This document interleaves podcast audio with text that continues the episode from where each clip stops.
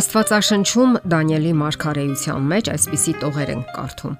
Ես տեսնում էի, ինչև որ աթոռներ դրվեցին եւ հինավուրցը նստեց։ Ատյանը նստեց եւ գրքերը բացվեցին։ Սովորաբար մարդիկ սիրում են ծանուցում ստանալ, սակայն երբեմն այն անհանգստացնում է։ Ամեն ինչ կախված է այն բանից, թե որտեղից է գալիս ծանուցումը։ Մենք սիրում ենք, երբ այն գալիս է փոստից, որովհետև այդ ժամանակ ինչ որ բան ենք ստանում Երբ գալիս է դատարանից, մենք բնականաբար անհանգստանում ենք։ Ամեն ինչ կախված է նրանից, թե ինչ ակնկալիքներ ունենք մենք տվյալ ծանուցումից։ Պարզվում է, որ մենք մարդիկս ունենք նաև երկնային ծանուցում։ Աստվածաշնչյան վերոհիշյալ համարը մատնանշում է դատական մի գործընթաց, որը տեղի է ունենում երկնային դատարանում եւ այդ գործընթացին մասնակցելու է աշխարի վրա երբևէ ապրած յուրաքանչյուր մարդ։ Մենք եւս քննվելու են բոլորի այդ թվում նաև մեր գործերը։ Իսկ դատական գործընթացին մասնակից լինելու դատական ծանուցումը բոլորիս է ուղարկված։ Ուզենք թե չուզենք, մենք ընդունելու ենք այն եւ քննվելու են յուրաքանչյուրիս գործերը։ Իսկ այդ գրքերը բացվում են դատական գործողության ժամանակ։ Այդ մասին է ասվում հայտնության 20 գլխի 12 համարում եւ տեսա մեռելները մեծ ու փոքր կանգնած աթոռի առաջ եւ գրքեր բացվեցին եւ մի ուրիշ գիրք էլ բացվեց, որը կյանքի գիրքն է եւ մեռելները դատվեցին այն գրքերում գրվածներից իրենց գործերի համեմատ։ Աստվածաշնչյան մարգարեներից մեկը Մաղաքյան դարձյալ գրում է այդ խորհրդավոր գրքի կյանքի գրքի մասին որի մեջ գրված են մեր բոլոր գործերը, մեծ թե փոքր, եւ որոնք բացվելու են դատաստանի օրը այնտեղ կարդում ենք. Եվ հիշատակի գիրք գրվեց նրա առաջ Տերից վախեցողների համար եւ նրա անունը պատվական համարողների համար։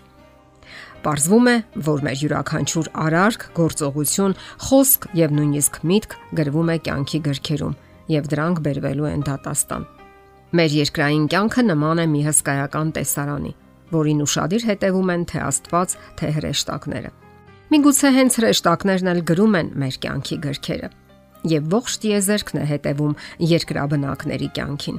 Ամենագաղտնի մեղքերը, հանցագործությունները, դավաճանությունները, որոնք այնքան թեթևորեն գործում են մարդիկ եւ վստահ են, որ ոչ ոք չի տեսնում եւ չգիտի, դատաստանի օրը ի հայտ են գալու։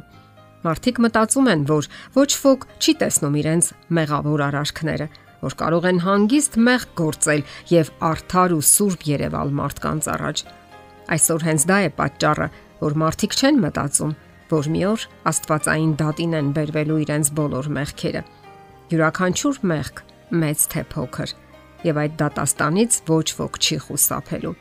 Եթե մենք ավելի հաճախ հիշեինք այդ մասին, անհամեմատ ավելի քիչ մեղքեր կգործեինք մեր մոլորակի վրա եւ մեր գիտակցության մեջ միշտ կլիներ այն զգացումը, որ տիեզերքը հետևում է մեզ եւ որ հետագայում բացվելու են մեր մեղքերը։ Եվ այդ դեպքում մենք բնականաբար շատ ավելի զգույշ կլինեինք։ Ցավոք այդ մասին այսօր շատ քիչ է խոսվում։ Իսկ ինչպես է որոշում կայացնում յուրաքանչյուր դատարան։ Համաձայն իր գործող օրենսդրության, սահմանադրության։ Այդպիսի սահմանադրություն ունի նաև Աստված, համաձայն որի դատվելու են երկրի վրա ապրած բոլոր մարդիկ։ Մենք բոլորս առանց բացառության։ Հիսուս Քրիստոսը հիշեցնում է այդ մասին Ինձ անարգողը եւ իմ խոսքերը չընդունողը ունի իրեն դատողին։ Այն խոսքը, որ ես խոսեցի, նա կդատի նրան հետի նորը։ Հիսուսը հստակ է խոսում դատաստանի օրվա մասին, որը պետք է տեղի ունենա հետին օրը։ Իսկ ո՞րն է Աստծո սահմանադրությունը կամ հիմնական օրենքը։ Այն տասնաբանյա օրենքն է։ 10 պատվիրաններից կազմված օրենքը, համաձայն որի քննվում են մեր բոլոր արարքները։ Ուշադիր կարդանք դրանցից յուրաքանչյուրը։ Դրանք գրված են ելից 20 գլխում։ Պահում ենք արդյոք մենք այդ պատվիրանները։ Այդ պատվիրաններն այսօր համարյա չեն հիշվում։ Միայն զարմանալ կարելի է այն փաստի վրա, որ ողջ քրիստոնեական աշխարհն այնքան անլուրջ վերաբերմունք ունի նրա սահմանադրության 10 պատվիրանների հանդեպ։ Անընդհատ շեշտադրվում է, որ Քրիստոսը վերացրել է օրենքը եւ այն փոխարինել շնորհքով։ Այնինչ Հիսուսը ոչ թե վերացրել է օրենքը կամ Աստվածային սահմանադրությունը, այլ ընդհակառակը ավելի է խստացրել այն։ Նա հստակ ասաց, որ եթե նույնիսկ մարդը ֆիզիկապես չի խախտում օրենքը, այլ ընդամենը մտքով, այդ դեպքում եւս ենթակա է դատաստանի։ Նա շեշտեց նաև այլ մեղքեր, որոնք թույլ չեն տա մարդուն ժառանգելու հավերժական կյանքը նախանց, բարկություն, ցանկանալ, դավաճանել, ված խոսքեր ասել, վիրավորել եւ այլն։ Եվ միաժամանակ Պողոս Արաքյալը նշում է բնավորության այն որակները, որ պետք է ունենան փրկվածները։ Այդ մասին կարդում ենք. բայց հոգու պտուղն է սեր, ուրախություն, խաղաղություն, երկայնամտություն, քաղցրություն, բարություն, հավատք, հեզություն, ժուշկալություն։ Յուրաքանչյուր ոգ նայելով այս ցուցակը կարող է կայացնել իր ընտրությունը, որ դասակարգի մեջ է ցանկանում իրեն տեսնել եւ ցանկանում է արդյոք փրկվել, չդատվելով երկնային դատաստանում։ Շատերն իրենց խափում են սին հույսերով,